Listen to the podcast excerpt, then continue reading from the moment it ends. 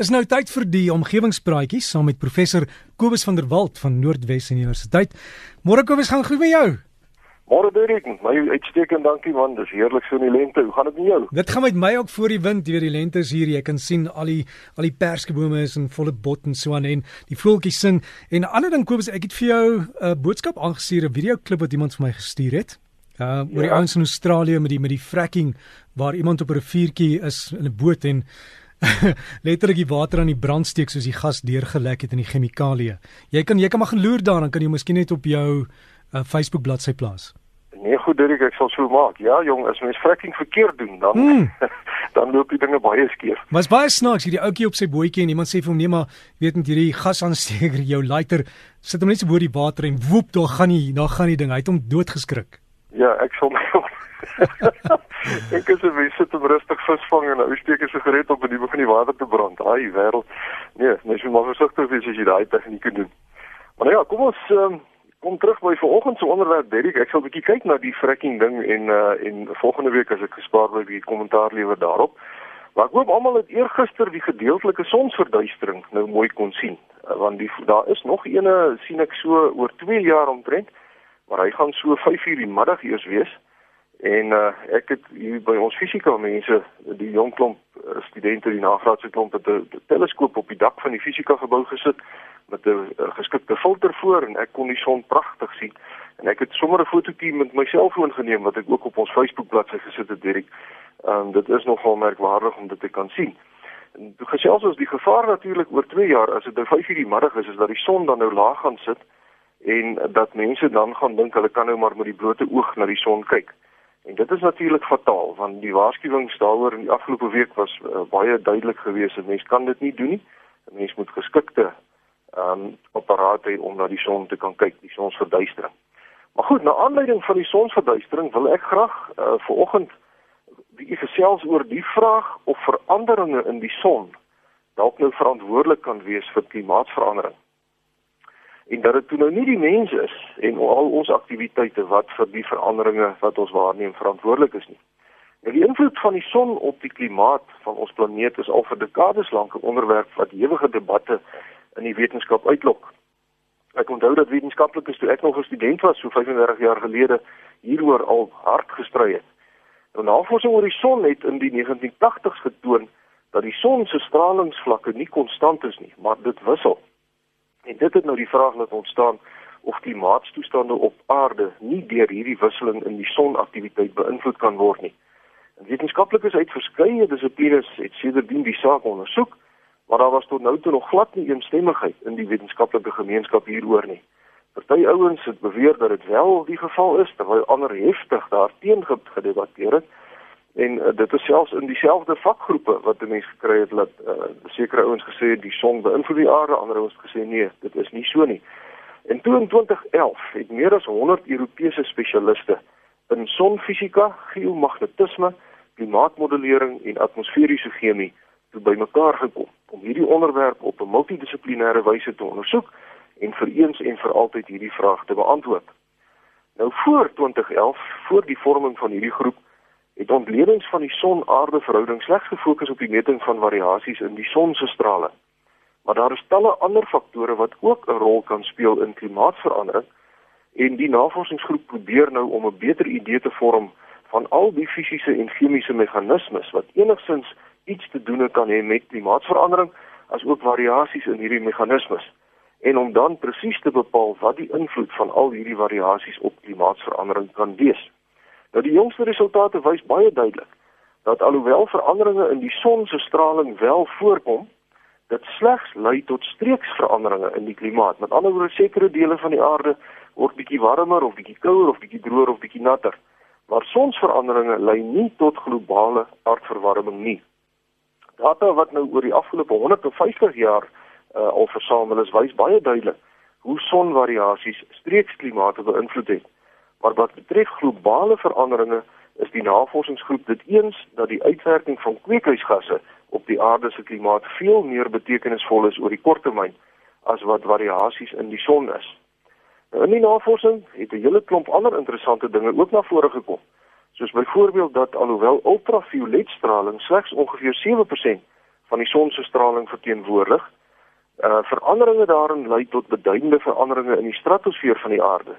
En dit beteken onder andere dat hulle uit die toestand van die son met 'n redelike akkuraatheid kan voorspel of die winters in Europa droog en koud gaan wees of warm en nat. Daar is verder bevind dat die sonwind die aarde se magneetveld nogal meer beïnvloed as wat gedink is. En dit lei op sy beurt tot veranderinge in die vorming van aerosols in die atmosfeer en dit kan dan nou op sy beurt weer die reënval op streekskaal beïnvloed. Nou al hierdie nuwe kennis word nou in die bestaande modelle ingevoer om met groter sekerheid te probeer voorspel presies waarheen die aarde se klimaat op pad is. En hierdie nuwe kennis bevestig die siening van die Britse antroposentriese navorsingsgroep wat beweer dat die aarde 'n nuwe geologiese tydperk betree het. En die hierdie tydperk of die epog word dan genoem die antroposentriese epog. Antroposentries beteken die era van die mensdom.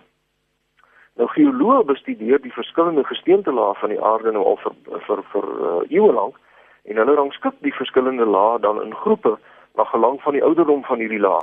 En dit word alles saamgevat in die studieveld van kronostratigrafie. Nou die jongste epog of tydperk dan in geologie heet die Holoseen. En dit verteenwoordig die afgelope 11500 jaar op aarde waar tydens daar nou nie eintlik groot ystydperke voorgekom het nie sodat die mens kon floreer. Nou geoloë sê egter nou dat die ontsaglike veranderinge wat die mens in al die aardstelsels aangebring het, so beduidend is dat ons eintlik 'n nuwe geologiese tydvak in die geskiedenis van die aarde binne gegaan het wat dan die antroposeen genoem word. En verskeie gesaghebende navorsers en dit sluit ouens soos Nobelpryswenners in en hulle het agtergronde van die totale spektrum van die wetenskap. Hulle het nou almal meegewerk aan hierdie navorsing En die bevindinge is dat die mens veral oor die afgelope 150 jaar verantwoordelik was vir drastiese veranderinge in die litosfeer, dis die grond in die in die in die in die gesteentes, die atmosfeer, die kriosfeer, dis die ys, die gletsjers en so aan, die hidrosfeer, die water, met ander woorde vaswater in die see en dan ook die biosfeer van die aarde, alle lewende die uh, uh, organismes op aarde. En dit beteken dat ons oor 'n kort tydjie aspekte soos die nutriëntsiklusse en die suurgehalte van die oseaan, biodiversiteitsvlakke en die samestelling van die atmosfeer om nou net 'n paar te noem, dramaties verander het. Die meeste van hierdie veranderinge is vir alle praktiese doeleindes onherstelbaar of onomkeerbaar oor die kort termyn en dit bring letterlik die mens se voortbestaan op aarde oor die volgende paar eeue in gedrang. Nou na 1950 het die waarneembare veranderinge eksponensieel vinniger geword. En heelwat betekenisvolle merkers is in die geologiese geskiedenis van die aarde gelaat deur die mens. Een so merker is byvoorbeeld die meer as 2000 atoombomme wat sedert 1945 op die aarde ontplof het.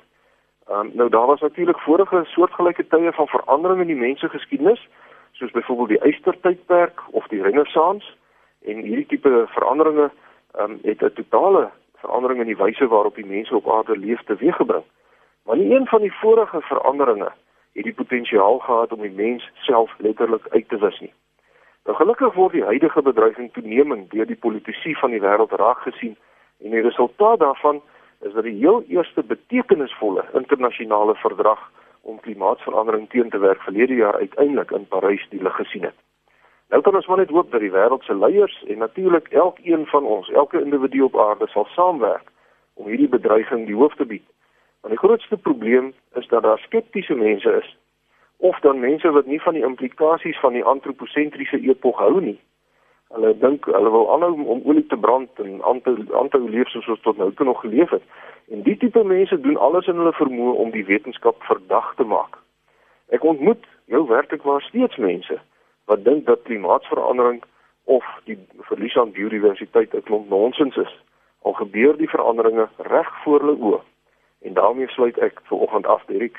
Skryf gerus vir my by kobus.vanderwalt@nwu.ac.za of jy kan gerus gaan kyk op omgewingspraatjies se Facebook bladsy vir meer besonderhede. Vriendelike groete tot 'n volgende keer. Kobus baie dankie en en miskien het 'n punt jy nou gepraat van uh jy weet energie en goed bespaar. Ek ek het ook uitgevind dat as jy wat hulle noem van die grid af wil gaan, sê net maar by jou huis en besluit jy het genoeg krag en alles jy het nie meer nodig nie, moet 'n mens nog steeds die kostes betaal van die lyne wat in plek is, die die lyn hier al gebruik jy dit nie. So gaan dit werklik dan werk? Is dit die moeite werd? Derek, ja, nee, ek weet nie, dit sal 'n mens maar moet uitvind hmm. van munisipaliteit tot munisipaliteit. Ek is nou nie seker daaroor nie want ek is nou nog nie van die grid af nie. Um, dit is tans nog so bietjie duur. Maar ja. die pryse kom mooi af, weet jy, en ek hou dit eintlik met 'n valkoog dop en dis nie meer lank nie dan gaan my dak vol sonpanele wees en, en dan uh, ja, ek ek dink daar is 'n infrastruktuur wat sekerlik in stand gehou moet word en so as mense in 'n munisipaliteit bly, munisipale woongebied, dan is daar kostes daaraan verbonde. Ehm um, maar ek weet nie, dit sal sekerlik wissel van munisipaliteit tot munisipaliteit, mens sal seker maar net moet uitvind by die mense. Ja, miskien maar net daai maandelikse rekening van jou lees en sien presies waarvoor betaal jy, né? Ja, ja, nee, net so. Kobus, alles van die beste lekker naweek en ons sien vir jou op jou Facebook bladsy omgewingspraatjies. Dankie Derek, dieselfde vir jou en al ons omgewingsvriende. Kobus van der Walt, as jy wil e-pos op Kobus met 'n K, kobus.vanderwalt by nwu.ac.za, maar die beste deesdae is maar net gaan op Facebook, soek vir omgewingspraatjies, sluit aan by die groep en kry al die inligting daar.